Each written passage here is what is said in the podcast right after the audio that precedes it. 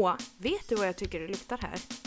Nej, vad luktar det Rebecka? Nej, jag tycker nog att det luktar lite skitsnack här ja. För oss vänner emellan. Åh gud, hur gör man det här då? Blir det en kort presentation eller hur jobbar vi egentligen? Jo, en kort presentation tycker jag. Okej, ska jag börja? Vem är jag? Ja. Rebecka, 27. Är jag 27? Ja, jag är 27 år. Eh, jobbar som lastbilschaufför. Jag gör inte så mycket mer än så. Jag är mamma. Jag har en fam- familj som består av fem. Inklusive mig själv. Eh, ja, det är väl typ det. Över till Moa. Eh, Jag heter Moa, jag är 23.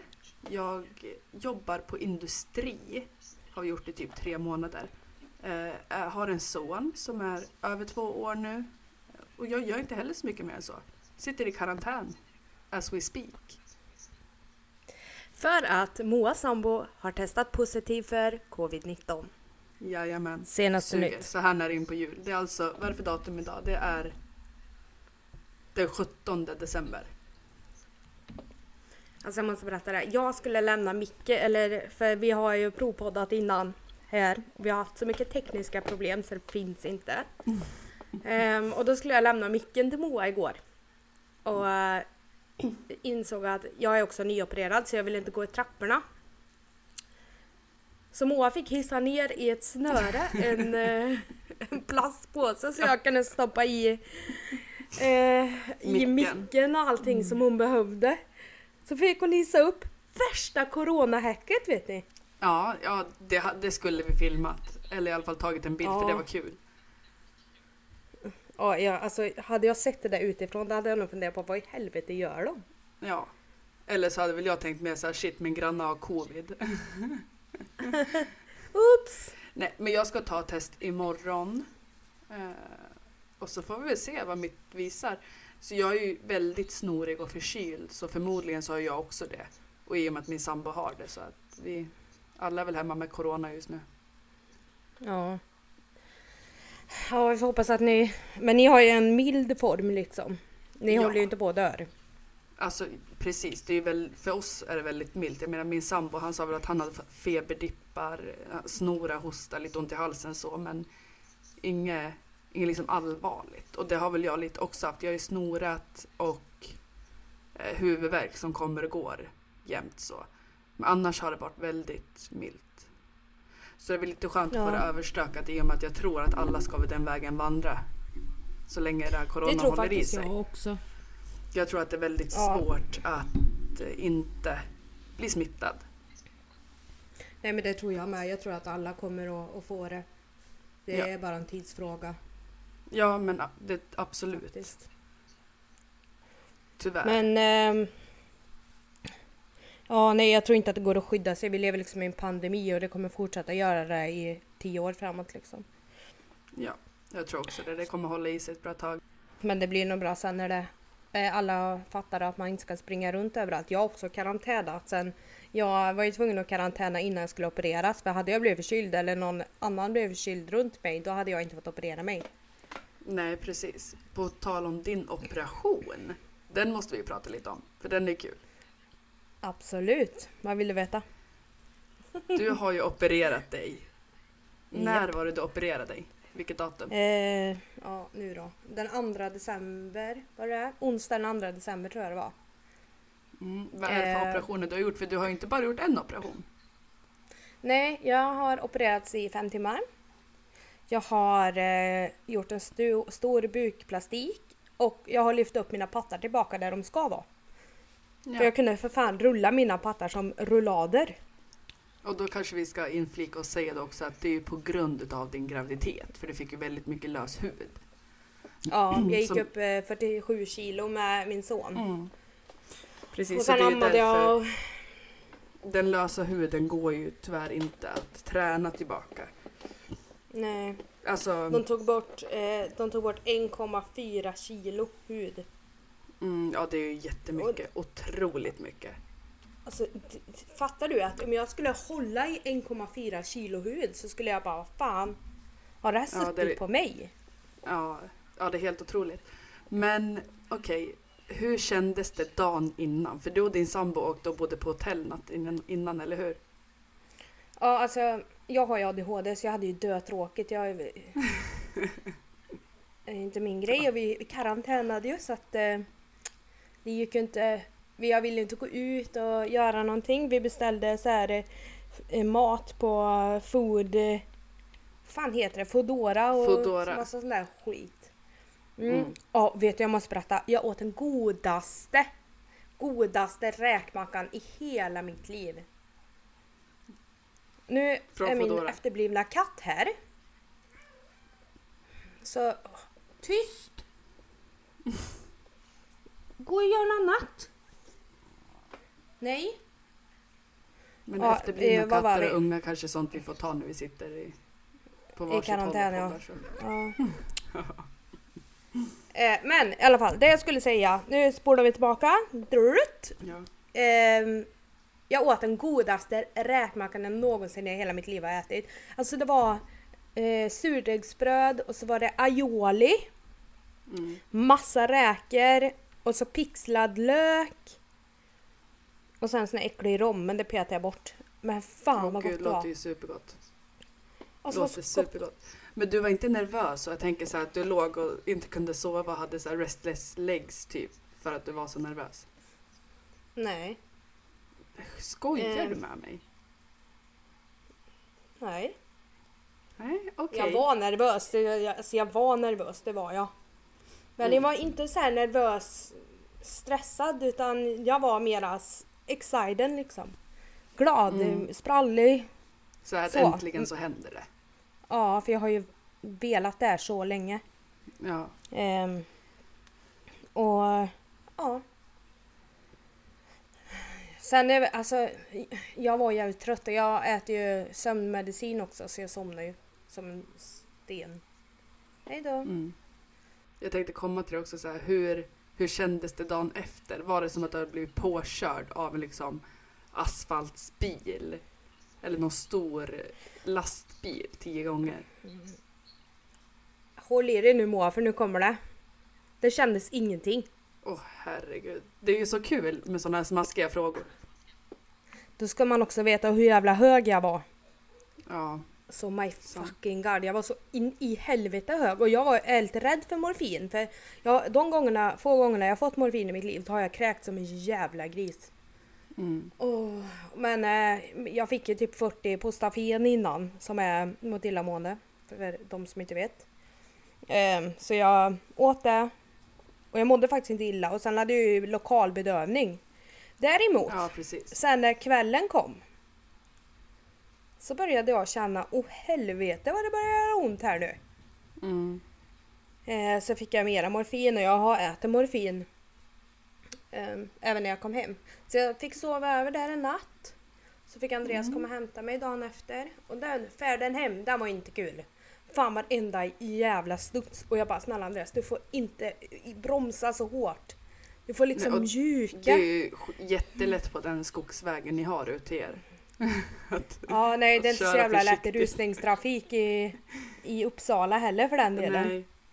Åh stackare. Alltså, ja så det kändes. Det ska jag erkänna. Fan det var inte kul. Eh, sen så, det som jag har tyckt varit jobbigast. Jag har, det är klart att jag har haft ont. Du, ni ska, man ska veta att, just det, en till sak med min operation. Jag har sytt ett brock. Jag har också Precis. sytt mina magmuskler som var 4 cm breddade. Ehm, och jag har ju stoppat, lyft mina bröst och stoppat in implantat. Eh, men eh, alltså magmusklerna. Varje gång man host, alltså jag kunde inte hosta Nej. och jag var livrädd att jag skulle nysa. Ehm, och jag, när man hamnar i en viss vinkel, då tar jag mig inte upp, då måste jag be om hjälp. Och jag tänkte så här, för mina bröst de kändes ingenting jämfört med magen i början. Nej. Eh, sen började jag få ont i brösten, när magen liksom. För nu, jag känner knappt något i mina magmuskler. Nu, nu är det två veckor sedan. Igår. Mm. Ehm, men eh, alltså. Vi har ett barn här som väldigt lätt blir förstoppad. och han bajsade ju size av falukorv. Och jag satt där på toaletten efter operationen och grät. Jag grinade som ett jävla barn. Alltså, och det gjorde så ont att skita för när man har varit i narkos och fått så här mycket morfin och grejer så är det svårt att få igång magen igen. Mm. Alltså, var du förstoppad när du var gravid? Ja, det var jag. Alltså, Jag tror det gick en vecka det utan känns som att hela... jag var gravid. Ja, och du vet när det där jävlen ska ut då känns Ja. det som att hela jävla arslet spricker. Man får ju liksom ta och hjälpa till där emellan gården lite så. Nej, fy vad äcklig jag är nu. Ja. Nej, skit i det. Det får man göra ibland. Men låt mig då berätta för dig att jag kunde inte ta i med mina magmuskler. Hur skulle jag skita? Ja, nej, det är bara att sitta där och vänta på att det kommer ut normalt. Men laxermedel. Ja, jag fick ju ta det till slut. Ja. Jag fick ju ta mikro, både mikrolax och, och sån där som skulle göra bajset mjukt. Ja. Men eh, alltså nej, det var, det, det var den värsta förstoppningen jag haft i hela mitt liv och jag grät. Och Andreas som skulle gå, han bara vad gör du? Jag bara. Satt där inne och grina. Jag bara jag försöker att bajsa. Nej du det var hemskt var det. Fan vad hemskt det var. Ja usch, jag lider verkligen med dig. Det jag tänkte fråga var så här, vad är svårast att klara av i vardagen nu efter operation? Alltså jag kan säga att jag känner mig handlingsförlamad. För att jag kan inte bära min son. Nej. Jag kunde inte ens vispa den här jävla eh, våffelsmeten som jag skulle, jag skulle göra våfflor. Mm. Fick be Andreas om hjälp. Du vet att höjden av förnedring när jag behöver be min sambo att tvätta mig arslet. Ja, För att jag inte når dit för det är spänt överallt och det gör ont och det... Och du vet att när jag stod där i duschen, när jag skulle duscha första gången efter operationen och insåg att nej jag kan inte tvätta mig arslet. Gud vad spännande. Och jag, André, jag får inte duscha själv för Andreas måste titta på mig för det, det är jättevanligt att man svimmar. mm. Eh, Man får så ett eh, blodtrycksfall. ja precis. Eh, Så att jag kan inte ens, jag får inte ens duscha i fred. Förstår du att jag känner lite så här, jag, nej men sen på nätterna liksom när man vaknar på natten och man inte är smärtlindrad för det går ju ur. Eh, då får jag Mm. be om hjälp att Andreas får putta upp mig för att jag kan inte vrida mig för jag får så jävla ont i mina bröst. Mm. För nu är det brösten som gör ont och inte magen liksom. Ja eh, precis. Och det har varit oerhört tufft för mig liksom att jag är ju ingen person som gillar att vara beroende av någon annan. Men Nej men nu nu är det måste jag det. verkligen vara där. Ja. Jag kan liksom ing- ingenting och jag kan inte stå upp på Oden för att lägga han i min famn och gosa. Utan Nej. då måste jag liksom försöka få han och han är två år och gör precis som han vill. Han har ingen lust att lyssna på sin mamma när hon säger att komma på mys med mig. Nu låter det som att jag tvångsgosar min son. Riktigt så Ja, hemskt men är det gör man väl. Ja, men Nu ska vi inte ljuga, det gör man. ja, till viss del. Men det lät mycket hemskare än vad det är. Eh, och liksom, han klättrar ju överallt. Han är överallt. Så att jag känner ju liksom att, att jag inte kan... Jag kan inte göra allting som jag vill göra med han. Och jag vill städa, Nej. jag behöver städa, jag behöver tvätta, jag behöver göra saker. Men jag kan inte för att jag får inte bära mer än två kilo och jag får ju ont när jag har varit igång för länge. Mm. Så jag känner mig... Ja det måste vara jättejobbigt. Ja, det är fan inte roligt. Jag, jag trodde inte att det skulle kännas... Alltså, jag trodde inte att jag skulle vara så här liksom. Jag tänkte nog inte på hur mycket jag skulle bli begränsad. Nej. Nej man tror väl att man är någon slags superwoman som att att alla de, all, allt det de säger att du får inte bära mer än två kilo att man kanske tänker lite att jo men det kan jag göra ändå för att Ja. eh, Men det kan ju förstöra Ja, så, hela operationen om man, inte, om man gör det liksom. Och det, jag känner att det, Mm. jag har ingen lust med det faktiskt. nej. Gud nej. Ehm, Men hur lång tid kom, hur, hur länge kommer du ha ont ungefär? Har de sagt liksom hur lång tid det tar för allting att läka och när är allting så som det ska vara liksom? Eh, Mm. Och efter cirka typ tre veckor sa hon, då börjar smärtan släppa och man kan känna sig mer rörlig liksom. Och jag har ju gått som en jävla ostbåge. Alltså, för att de har ju liksom dragit ner min hud, sytt mig i så många lager. Så att du kunde inte i början, kunde, det gick inte att sträcka ut. Det gick inte. Nej. Nu har man ju stretchat magmusklerna och det är klart att jag går ju fortfarande lite ostbåge men jag tycker ändå att jag Men det är är... lättare. Ja. Sen ibland så känns det som att det, någon gör tusen nålar i magen på en. Du vet såhär, man Ja, gjorde åh, tusen fy. nålar på armarna när man var liten. Mm, så Ja, det gör ju känns så det. fruktansvärt ont. Det kan jag lova att det gör. Mm. Och sen så hamnar man i en position, man kommer inte upp och man kommer inte ner för det gör ont åt båda hållen. Och jag har gjort en så pass, alltså Ja. att göra brösten och magen samtidigt och sy magmuskler och allting. Det är väldigt påfrestande för kroppen. Det är jättetufft för Mm. kroppen. Men jag, jag tycker att det har gått bra. Det har, första dagarna var ju sängliggande såklart. Jag var ju också hög som Ja. ett hus för jag åt ju en massa morfin. Ehm, Ja, precis. du vet att jag fick ju feeling där vet du, typ tre dagar efter operationen. Nej nu ska inte jag äta något mer morfin för jag är lite rädd för att peta i mig massa grejer. Eh, Och vaknade dagen efter och bara jag ska visst äta i morfin. In med en jävla morfin. Ja. Alltså ont. Alltså, Ge mig hela burken för i helvete. ja men du vet när man ligger där med verkar och man känner att ge mig allt du har. Ligger där med verkar. Jag, jag kom ju liksom aldrig riktigt så långt Nej just det men ja, det hade i alla jag fall hade lite väl verkar. några... Jag hade lite verkar ungefär en timme. Tills Mm. de snittade mig. Men du, ska vi bestämma att vi ska göra för, eh, våra förlossningsberättelser i ett avsnitt? Ja, det är ju faktiskt väldigt kul. Det är ju roliga. Så då undrar vi, vill folk höra det? Hur gick det till för våra dramatiska... Ja men alltså jag tror ju att så här, min förlossningsberättelse den är ju egentligen ganska tråkig. Alltså det hände ju inte så mycket egentligen. Eh, Hände inte så mycket. Din var ju mer dramatisk än fan min var. Jag hade ju bara verkat, jag hade bara ont ja. Ja, hur länge var du där? Du var ju typ där i 30 timmar. Ja, 38 Ja. tror jag. Ja, jag var där från 8 på morgonen så kom han ut 20 över 1. Men absolut, vi kan ju dra Okej. det om, eh, om folk vill höra det. Eller så gör vi bara det och struntar i vad andra säger. Ja, Ja, det, jag tror vi kör på det. ja. Alltså man, nu när de här tiderna är så är det ju skittråkigt. Allting är så jävla tråkigt. Men jag har Mm. tänkt på en grej ja. Att vi Ja. ska prata om... Vi ska ge lite tips här. absolut. Kärlek och anarki. En serie på Netflix. Ja, Alltså jag, jag tyckte den var så jävla bra. Jag tyckte det var är asroligt. det. Alltså jag tycker, första avsnittet som jag såg tänkte jag så här, vad fan är det här egentligen? Jag tyckte den var superkonstig, jag fattade Nej. ingenting. Men ju mer serien gick så bara, men den här är ju bra. Alltså den, den är ju på något vis, vad ska man säga, den är ju, den är ju inte liksom, för de har ju någon slags, eh, alltså vad ska man säga, sexigt spel med varandra. Alltså vet du, jag skulle vilja ha en person som De- utmanar mig på det där sättet. Gå baklänges en hel dag. Alltså om någon av mina kollegor hör det här Mm. så utmana mig och hitta på någonting jag ska göra hela dagen. Då ska jag fan göra det Ja, alltså. precis. Ja, men för det är ju lite för så här, de är ju attraherade av varandra.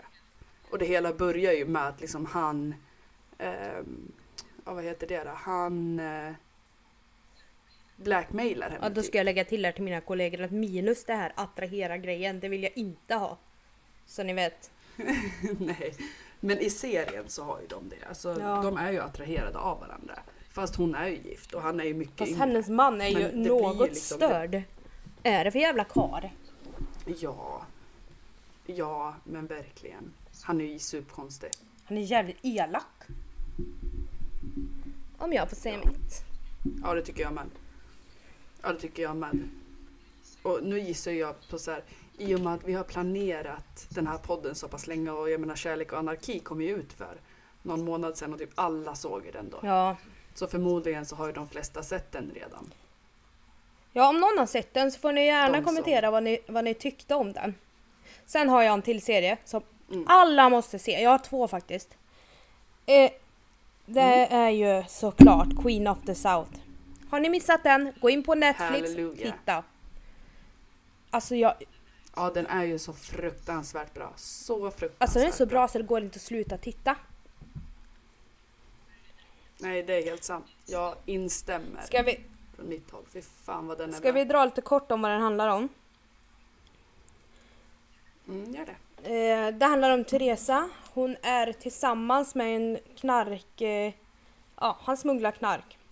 Sen så börjar han att sno lite Mm, Knarkeri. Ja, han börjar sno lite knark från sin chef där för sin maffiaboss där i, i Mexiko. Och det är inte så populärt. Och då så spränger de honom i luften. Och har ihjäl hans eh, kompanjon för de har ju snott droger och det får man inte. Eh, och då så är det ju meningen att eh, hela deras familjer ska dö också. Men Teresa hon kommer undan. Eh, så hon har, och hon har en bok som hon har fått av eh, Guero, då, som han heter. Eh, där det står, det finns bevis på allting. Hon skulle kunna sänka dem till, ja, de skulle aldrig kunna visas ut igen liksom. Och, eh, och den där är det enda som håller henne vid liv. Och sen får man följa med henne på hennes Precis, resa det, det, från, ja, från botten till toppen. Liksom. från, från Mexiko till USA Ja. typ. ja. Men då, sen så ska man Men sen ska man ju säga det också att eh, alla vill ju, alla liksom sådana här andra knarkkarteller och sånt här vill ju döda henne men kan inte göra det på grund av den här boken. Mm. Så. Att eh, det är ju verkligen det som hon har som håller henne vid liv så pass Ja, länge. verkligen. Och sen så hon, hon... Vi kan säga så här också. Hon tar sig till USA. Detroit tror jag det är. Ehm, Där hon eh, gömmer sig hos den här eh, frun till den där maffialedaren som försöker att döda henne. För de är asovänner. Mm. Det, det är, finns inget vänskapet whatsoever ever mellan frugan och gubben. Eh, och då um, ja, men får man följa hennes resa från liksom meningen är att hon ska bli prostituerad typ och tills hon sväljer droger tills hon klättrar sig upp i, i stegen liksom och, och faktiskt driver sitt eget imperie och hon har en policy att hon inte dödar folk. Eller hon vill inte Precis. döda folk. Och hon löser allas problem hela tiden. Och det, alla vill eh, det är jättemånga som ansluter sig till henne och hon får så många lojala. För att hon är just som hon är. Hon vill inte döda någon. Hon sätter alltid sina kompanjoner först. Mm. Ja men den är fruktansvärt Ja, bra. verkligen. Fruktansvärt Så det är helt sinnessjukt. Alla som vi har tipsat den till sitter ju för fan fastklistrade nu. Sen måste jag lägga ett gott ord för Mm. Blindspot. Också asbra. Men vänta, är det den med hon som har alla tatueringar? Hon som vaknar upp där vak- mitt i New York och har en massa tatueringar som leder till olika platser och ställen och Ja, händelser. de har raderat minnen på henne. Och tatuerat hennes kropp. Så hon vaknar upp i en väska där det står FBI, eller Karl FBI på. Och så blir hon... Ja, ringer de FBI och då har hon en FBI-agents namn intatuerat på ryggen. Och sen, ja, det är samma där. Man får följa typ de, den gruppen liksom. Man, hur de löser fallet och försöker hitta vem är hon? För hon har ingen aning om vem hon är. Vad hon gillar, vad hon kan. Liksom allt det här. Nej. Hon har ingen minne kvar, det är helt blankt. Jag tror att du och jag bör... Jag tror att du och jag började kolla på den här när vi bodde ihop där en Ja. sväng, eller hur? Ja. Så, Men det var många, många ja, år så sedan. jävla bra är den. Finns på Viaplay. Så Queen of the South finns på Mm. Netflix. Och. Kärlek och anarki finns också på Netflix. Men jag har ju en till och det är Peaky Blinders. Den måste ju vi slå ett Fast slag jag för. tycker att bara de Ja. första tre säsongerna var bra. Sen Jo, men vet jag inte vad som hände. och sen går det lite ut för sen, ja men så här med serier. Alltså jag älskar Peaky Blinders. Han är ju dösnygg. jag tycker att den är jättebra. Men ja, han är ju det. Otroligt snygg. Men det blir ju ofta så i serier att ju mer, de försöker, ju mer säsonger och avsnitt de försöker få ut, ju sämre blir det. Det har man ju sett många gånger när det gäller serier att all, de kanske borde stanna på tredje säsongen Mm. och göra ett avslut där för att det blir bara skit ändå. En annan där man faktiskt kan se det, det är typ Sons of Anarchy. Den är ju skitbra men det ballar ju ur. Ja, och det är samma där. Alltså ibland så känner jag så här, men snälla ge upp någon gång. Precis. För att till, slut blir det inte kul för de hamnar liksom i samma ekorrhjul. Det händer liksom ingenting Nej. nytt nästan. Det bara går bara tillbaka till samma hela tiden. Så ja, Mm. Ja men lite så är det ju. Det är ju jättetråkigt. I agree, jag tycker också det.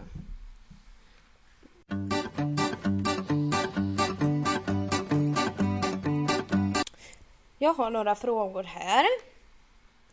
Ehm, som är... ehm, det är lite olika frågor. Jag frågade på Instagram om någon kunde hjälpa oss och ställa lite frågor om saker ni vill att vi ska besvara eller veta om oss eller... Ehm, och då har jag fått en fråga som, heter, eller som lyder Ekonomi. Vem betalar vad och hur mycket betalar ni beroende på jobb och inkomst i en relation alltså? Ehm, och jag kan bara utgå Mm. från oss och vi delar lika. Men nu har vi båda bra inkomster och så här. Sen är det klart att om jag får jättedålig lön och Andreas får jättebra lön. Ja nej då kanske, då, vi, vi splittar fortfarande på hälften men han får ju försörja mig lite grann då. Och vice versa. När det går åt andra hållet. Precis. Hur gör ni? Ja, i vår familj har det ju varit helt annorlunda nästan. Jag var ju, blev ju mammaledig eh, och jag hade ju en väldigt dålig mammapenning. Alltså jag kanske fick ut 4 000 kronor i månaden och det är ju ingenting. Eh, så jag fick betala min telefonräkning och sen lägga resten av alla mina pengar på mat. Mm. Och min sambo då betalade hyra och allt annat, bilar och bensin och allt, allt annat liksom. Och så har det ju varit ända fram tills för typ tre månader sedan. Mm. Så jag tycker så här att har man, och speciellt om man har barn, Mm. men är man sambos så tycker jag så här, är det en som har sämre lön, absolut. Jag menar jag hade ju inga pengar som jag kunde hitta på någonting för utan jag betalade min telefonräkning och sen resten fick jag lägga på mat. Eh, Men jag tycker att så här, är man sambos så tycker jag att Man har ju mer eller mindre delad Så- ekonomi. Precis, och sen så tycker jag så här, typ som i mitt fall då. Jag försökte ju, för jag började ju jobba eh, och hade ju tyvärr skitdålig Mm. lön. Alltså jag jobbade arslet av mig för, för skitdålig lön. Eh, och jag försökte jobba så mycket som möjligt för att till slut kunna bli fast anställd eller få ett fullt schema som kunde göra så att jag fick en Mm. inkomst tillräckligt bra. Eh, så då tycker jag lite att det är upp till den som får lite lön att lägga alla pengar man får på till exempel mat. Eh, och upp till den som har bättre lön att betala räkningarna. För att så här, hade det varit tvärtom, Mm. att Pontus hade haft skitdålig lön eh, eller skitkass pappapenning och så här och jag hade haft jättebra, då hade ju jag självklart betalat allting för honom. Ja, men sen så tror jag också att man ska också... För det där är en definitionsfråga, verkligen. Om någon tjänar 12 000 Ja, och den andra 16 000. Då tycker jag ändå att man kan splitta på hyran och såna här saker. Och sen när man ska Absolut. göra saker tillsammans så, så här, ja men då får man ju väga upp det så det blir någorlunda jämnt så att man har. Men när Alltså om vi säger att jag tjänar 25 000 och Andreas 20 000, då ska inte jag ge honom mi- mina 5 000. Eller 2 500 eller vad fan det blir. Nej. Nej, Alltså absolut inte. det är klart att man Alltså, ska ju, Nu var det lite så att de, att man ska liksom klara sig men jag tycker att för det där tror jag det kan Mm. misstolkas jävligt lätt att ah, nej men hej hej nu tjänar du mer pengar än jag jag vill gärna ha lite av dig. Det är inte det det handlar om liksom. Precis. Och då, nej, och då ska jag understryka att i mitt fall, alltså jag, jag fick ju typ allt från 5000 till, och den absolut bästa månaden jag hade i och med att jag gick på timme Mm. då, eh, när jag hade jobbat arsla av mig var 15. Mm, Och det var ju den hö- högsta lönen jag fick då. Nu jobbar jag på ett annat ställe och har ju fast månadslön. Eh, och sen vill jag också säga så att är man sambo med någon som är arbetslös, bara ligga hemma på soffan, inte göra någonting åt det, eh, kasta åt alltså jag, det- ja, det För tycker då hade jag inte sett att betala ett Jag skit. hade aldrig varit tillsammans med någon som inte har ambitioner. Så jag menar det är klart att liksom som Andreas nu har jag, ha- han har ju sagt upp sig från sitt jobb men han söker jobb. Han vill ha ett nytt jobb. Han liksom så här, Mm. Ja men precis. eh, och jag, Han försöker ju verkligen dra sitt strå Ja. till stacken. Det är ju det det handlar men om. alltså tycker han får ju pengar av, eh, eller han får ju a-kassa och såna här saker. Men jag kan tycka liksom om man inte har några ambitioner överhuvudtaget ens försöka hitta ett jobb. Eller ja det finns jobb men jag vill inte jobba så jag skiter i det och, och då inte har några pengar.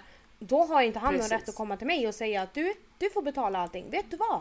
Du kan fan röva dig upp och stå, alltså försöka att försörja den här familjen du har. Det skulle jag aldrig acceptera, det kan jag Precis, säga. men ja men det är lite det jag menar.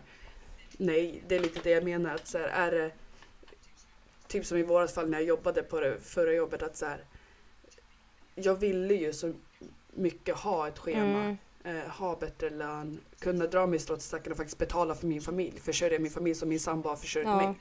För jag blev ju beroende av honom till slut. Jag hade ju inga pengar. Alltså dels när jag var mammaledig men även började Mm. eh, jobba. Men jag försökte ju alltid eh, få mer. Ja. Få mer tider, få ett schema. Så här, och då tycker jag ändå att så, här, så länge jag försöker Mm. och lägger för alla pengar jag fick in eh, i lön la ju jag på familjen. Och mat. Det var ju sällan jag var ute och gjorde någonting. Nej. Så jag, tyck, alltså jag tycker så här.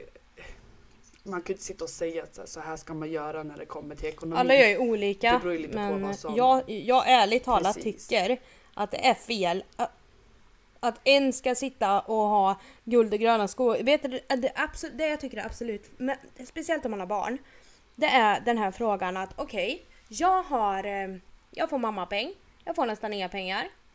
Eh, jag köper blöjor, ersättning, mat till barna. Och den andra personen har hur mycket pengar som helst för den jobbar. Ja, då ska den ut och roa sig bort med alla pengarna. Det tycker inte jag är okej. Mm. Nej men det tycker inte jag. Jag vet jättemånga som har sådana alltså- relationer. Och det, det är någonting jag Ja, aldrig ja. skulle acceptera, det kan jag säga. Nej, för grejen är ju så här, när man blir mamma och är mammaledig, alltså mammapenningen, även om, så jag, typ som, du, had, du, har ju, du har ju en bra Mm. lön och din mammapenning var ju inte superdålig men det är ju mycket mindre än vad du fick. Ja, nej min mamma, alltså jag fick ju 18. Men jag gick ändå 10 000 minus för jag jobbade ju natt. Mm. Men ska vi runda av den här Så frågan eller? För blir- nu har vi pratat ganska länge om den. Ja, okej. Eller vad vill du säga? Har du en till? Vi rundar av det. Eh, Men det här med ekonomi är svårt. Alltså det beror ju på vad man själva tycker och vad man tycker är rimligt själv och det beror helt på vad man har för lön. ja. Man kan inte komma och säga att ja, men jag har jättedålig lön när man i själva verket bara har 3000 kronor mindre för då har man har inte nej. jättedålig lön gentemot den man bor med. Förstår du vad Ja, jag menar? nej så tycker faktiskt jag också. Sen är det klart att om du har en månad jättemycket räkningar och du inte har någon pengar kvar. Ja men då får nog kanske Pontus hjälpa till att sticka till med grejer och köpa blöjor och liksom alla de här sakerna man behöver till, Precis. till hem liksom. Så att Jo, sunt men det förnuft, handlar ju om det att så här, ge och ta. ja, Om jag Ja. ger Andreas 2000 Håller spänn så säger inte jag till Andreas Swishar du mig mina 2000 spänn jag, du lånade mig förra månaden? nej, Nej, alltså nej, men det vet man ju går jämnt ut när man är Ja, sambos. men det gör det. Om man är sambo med någon som har vett innanför Ja. pannbenet. Ja, verkligen. Sen så känner jag så här rent spontant att är man sambo, har man barn, ja, det smidigaste är att ha delad ekonomi. Man behöver inte ha samma bankkonto. Dina pengar är fortfarande dina pengar. Nej, Men man kan inte snåla gentemot den andra Ja, för ja, det absolut. fungerar inte. Då, det, jag tror att det är de Nej. tillfällena som ekonomin blir en stress i en relation. ja, absolut, håller helt med dig. Så det är väl det vi tycker om det alltså. Ska vi se om jag får upp resterande frågorna här. Vad uppskattar ni hos varandra? Åh. Men jag uppskattar ju att du alltid har funnits där i alla, alla år. I medgång och motgång. Och du är ju en så speciell och underbar kompis. Du är ju så fin. Mm, vad gullig du är. Det är ju Och du för mig Jag uppskattar också. verkligen din ärlighet. Det är ju du för mig också. Du har ju alltid funnits lika mycket för mig som jag har gjort för dig. Skulle jag säga. Ja. Och jag är jätteglad för vår relation. Och vi har en, en eh, bästa kompisrelation men samtidigt har vi som en syskonrelation. Du kommer ju alltid Precis. vara den här lilla systern jag aldrig fick. Jag har ju tagit Ja, med dig till ungefär. hela släkten i Värmland. Överallt. Jajamän. Så jag är så glad. Ja, det var ju ett tag där som din faste tänkte att hon skulle adoptera Ja. mig. Shoutout Jenny! Ja. Robin Johansson undrar. Får man bajsa med öppen dörr? Svar nej. Jo, det får man väl. Jag bajsar alltid med öppen dörr. Men det tycker jag verkligen Jo, inte. jag bajsar alltid med öppen dörr ja. Nej, men alltså jag känner så här. Absolut att man är sambos, man älskar varandra, man ska dela på allt. Men vad fan, sitt skit kan man för fan ha för sig själv. Fast jag är ju sån där, eller jag, jag, jag puttar igen dörren men det är inte alltid som jag... Du är en fri Ja. bajsare. Men jag tycker man får bajsa med öppen dörr. Jag bajsar ju för fan alltid med öppen dörr när du och jag bodde ihop. Då sa du fan ingenting. Ja, men det är väl skillnad. Vi var ju inget kärlekspar. Nej men, åh, måste du tänka på att Pontus bajsar? Det är ju bara naturligt. Det är att han bajsar i fan 45 minuter och bara blir tokig.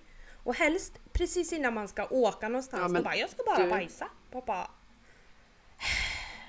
Det, det är Pontus med ska jag säga. I, alltså, när som helst. Vad som än är. Så bara såhär, du jag måste bara gå och bajsa. Jag måste bajsa. Och så sitter han där inne. Alltså jag kan, okej, typ 20 minuter. Till och med mer. Man bara, men, vad gör du där inne? Jag går in och skiter på fem minuter. Jag är också Hur en kan, man, snabb hur kan det ta så lång tid att bajsa? Jag Nej, förstår inte jag heller. Fast jag tror helt ärligt att de bajsar typ 10 max. Och resten sitter de och tänker, gud vad lugnt och skönt det var Ja, här sitter inne. med sina jävla mobiler. Som de annars också alltid sitter med. Ja, ja.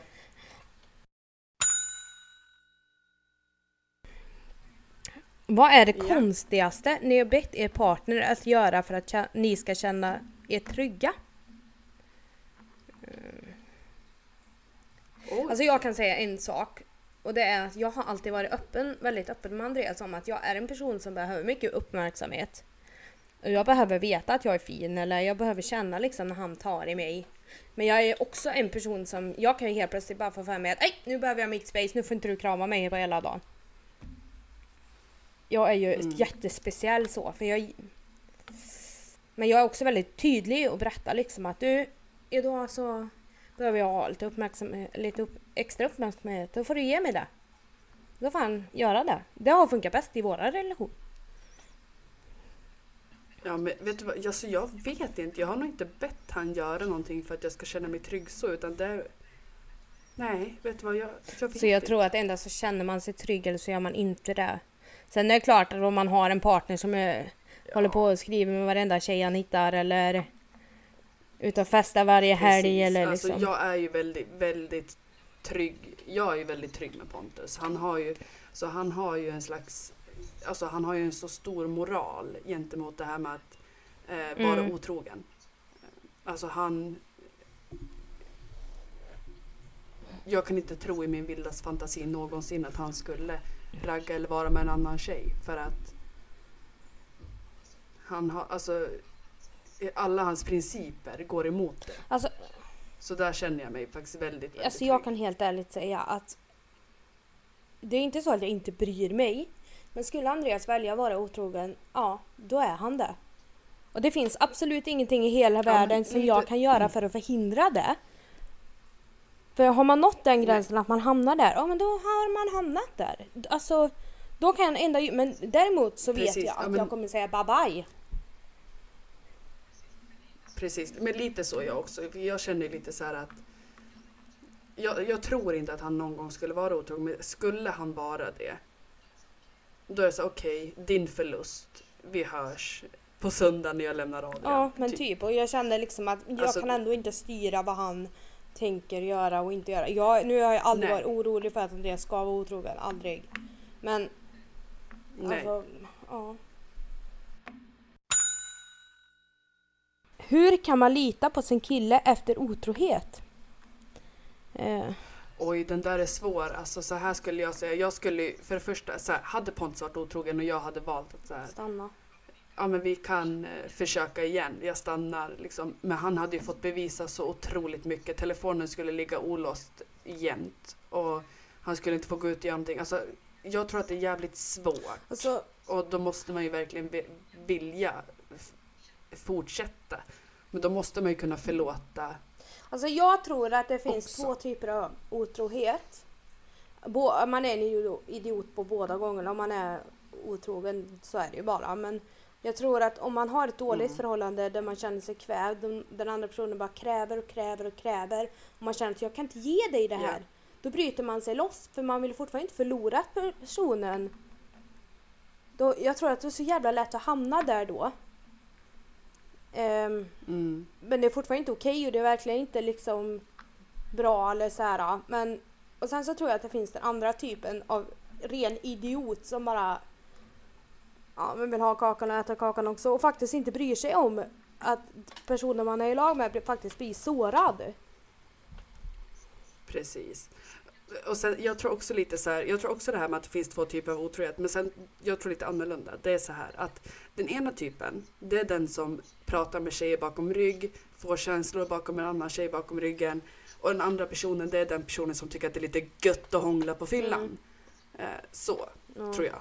Och då tror jag att det är nog lättare att gå vidare efter otrohet om man bara har varit lite dum och hånglat på fyllan än om det skulle finnas känslor inblandat. Ja, det kan jag säga av erfarenhet. Det hade varit lättare för mig Precis, det hade varit lättare för mig att förlåta Pontus om han hade varit lite dum och hånglat på fyllan än om han hade haft ett, något liksom känsligt eller pratat med en tjej en längre tid som han har varit otrogen med. Definitivt.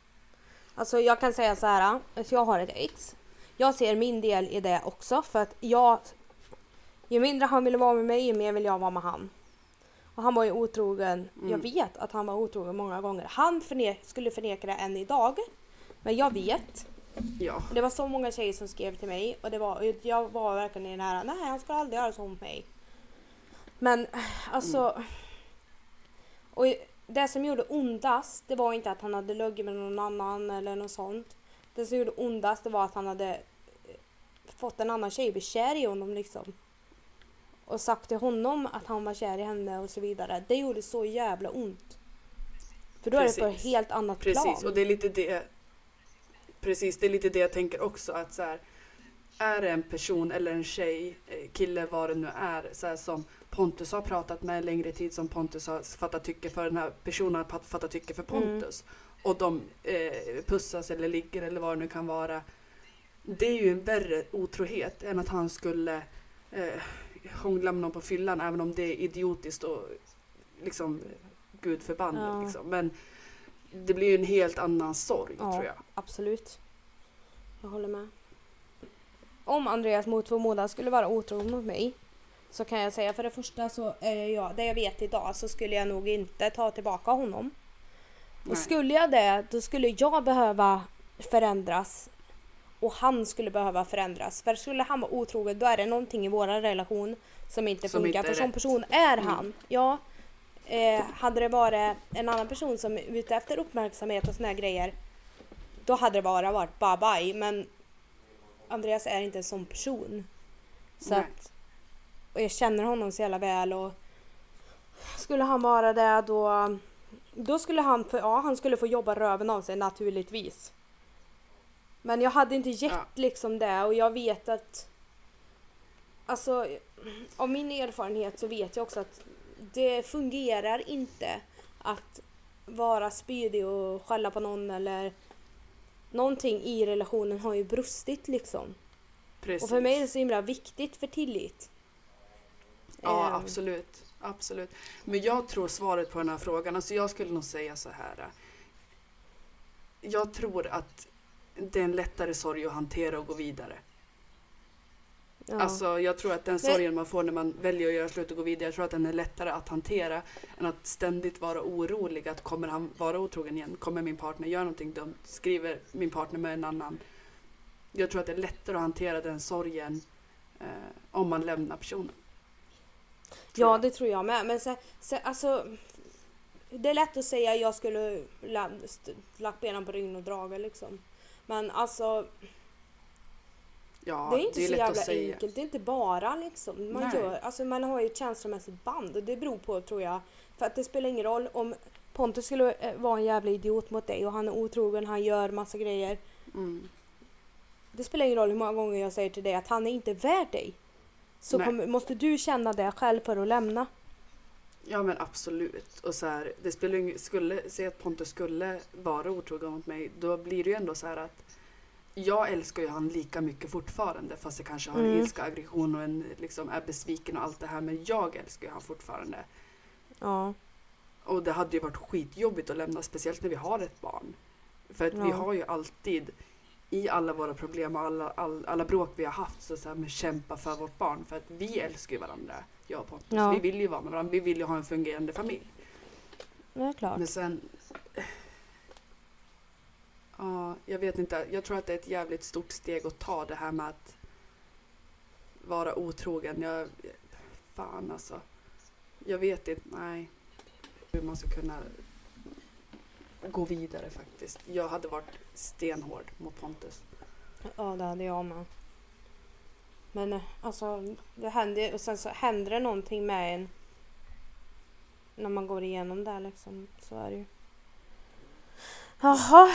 Men, och innan vi lägger på så måste jag be om ursäkt för hur jag låter. Jag är ju som sagt väldigt eh, förkyld och täppt i näsan. Fast jag tycker inte att du låter förkyld nu. Inte. Gud, jag tror jag Eller sprayade alltså, nej. fyra spray nässpray i varje borre innan, innan vi började podda. Det gör, jag- det gör jag också varje dag. Ja. Det är jätte. Men om jag låter konstigt så är det därför. Mm. I know. Men nu är det så här då att ni in med tips på vad, om ni vill att vi ska ägna podden till ett ämne. Nu förhoppningsvis Mm. kommer det hända lite mera i våra liv. Nu är det ju jul och ja, Mm, alla sådana grejer och vi har tänkt att ja, men att vi ska lösa era problem också. Ha en Ja. sån del. Och sen så Jo. ska vi köra en mina opopulära på, blablabla. mina Opopulära opopulära åsikter. Nej, det är det impopulära. Ja, ja, viktig Peter. fan vad jag stör mig på sånt där. Vet du, folk sitter och rättar. Heter faktiskt så, men fan bryr sig? Du och fattar vill vad jag jag menar. säga till alla våra lyssnare där ute som inte förstår värmländska. När hon säger luggi så menar hon legat. Ja, ja. Har du suttit och tänkt på det hela tiden nu eller? Ja. ja. Åh, Men vi kan ju säga så här, den, den här podden kommer alltså att finnas på Youtube och vi kommer spela in, när corona är över så kommer vi spela in när vi sitter tillsammans och poddar. Eh, Ja, och vi kommer även filma då.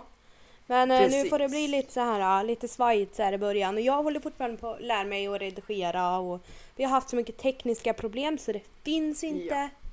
Ja men vi började försöka spela in för över en månad sedan men det har ju bara, bara varit strul. Och sen så tänker vi att vi ska prata om allt som har med relationer, eh, ekonomi, nej men allt man kan tänka sig. Det kan handla om sex, relationer, det kan handla om ekonomi, det kan handla om skogen, det kan handla om, eh, ja gud vet vad.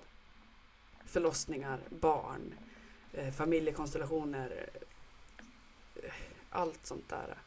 Plugg. Sen vill jag bara framtiden. i framtiden ursäkta mig själv lite med att ändra så är jag på topp och då är jag på asmycket eller på asbra humör och har asmycket energi eller så är jag som idag svintrött och jättelåg. Ehm, det kommer finnas lite mer energi. Vi ska bara komma in lite i det. Och sen så, Precis. vi är inte så här stela egentligen. Det skämtas. Nej det är första gången man får tänka på det också. Det kommer att skämtas Ja. en hel del. Men ehm, Det kommer bli en hel del skratt. ja, och ni måste ha lite is i magen och kanske ta vissa saker med en nypa salt. Jaha, det var väl allt från vårat skithus. Jajamän Moa, det var det. Vi syns på söndag. Varje söndag. Puss hej!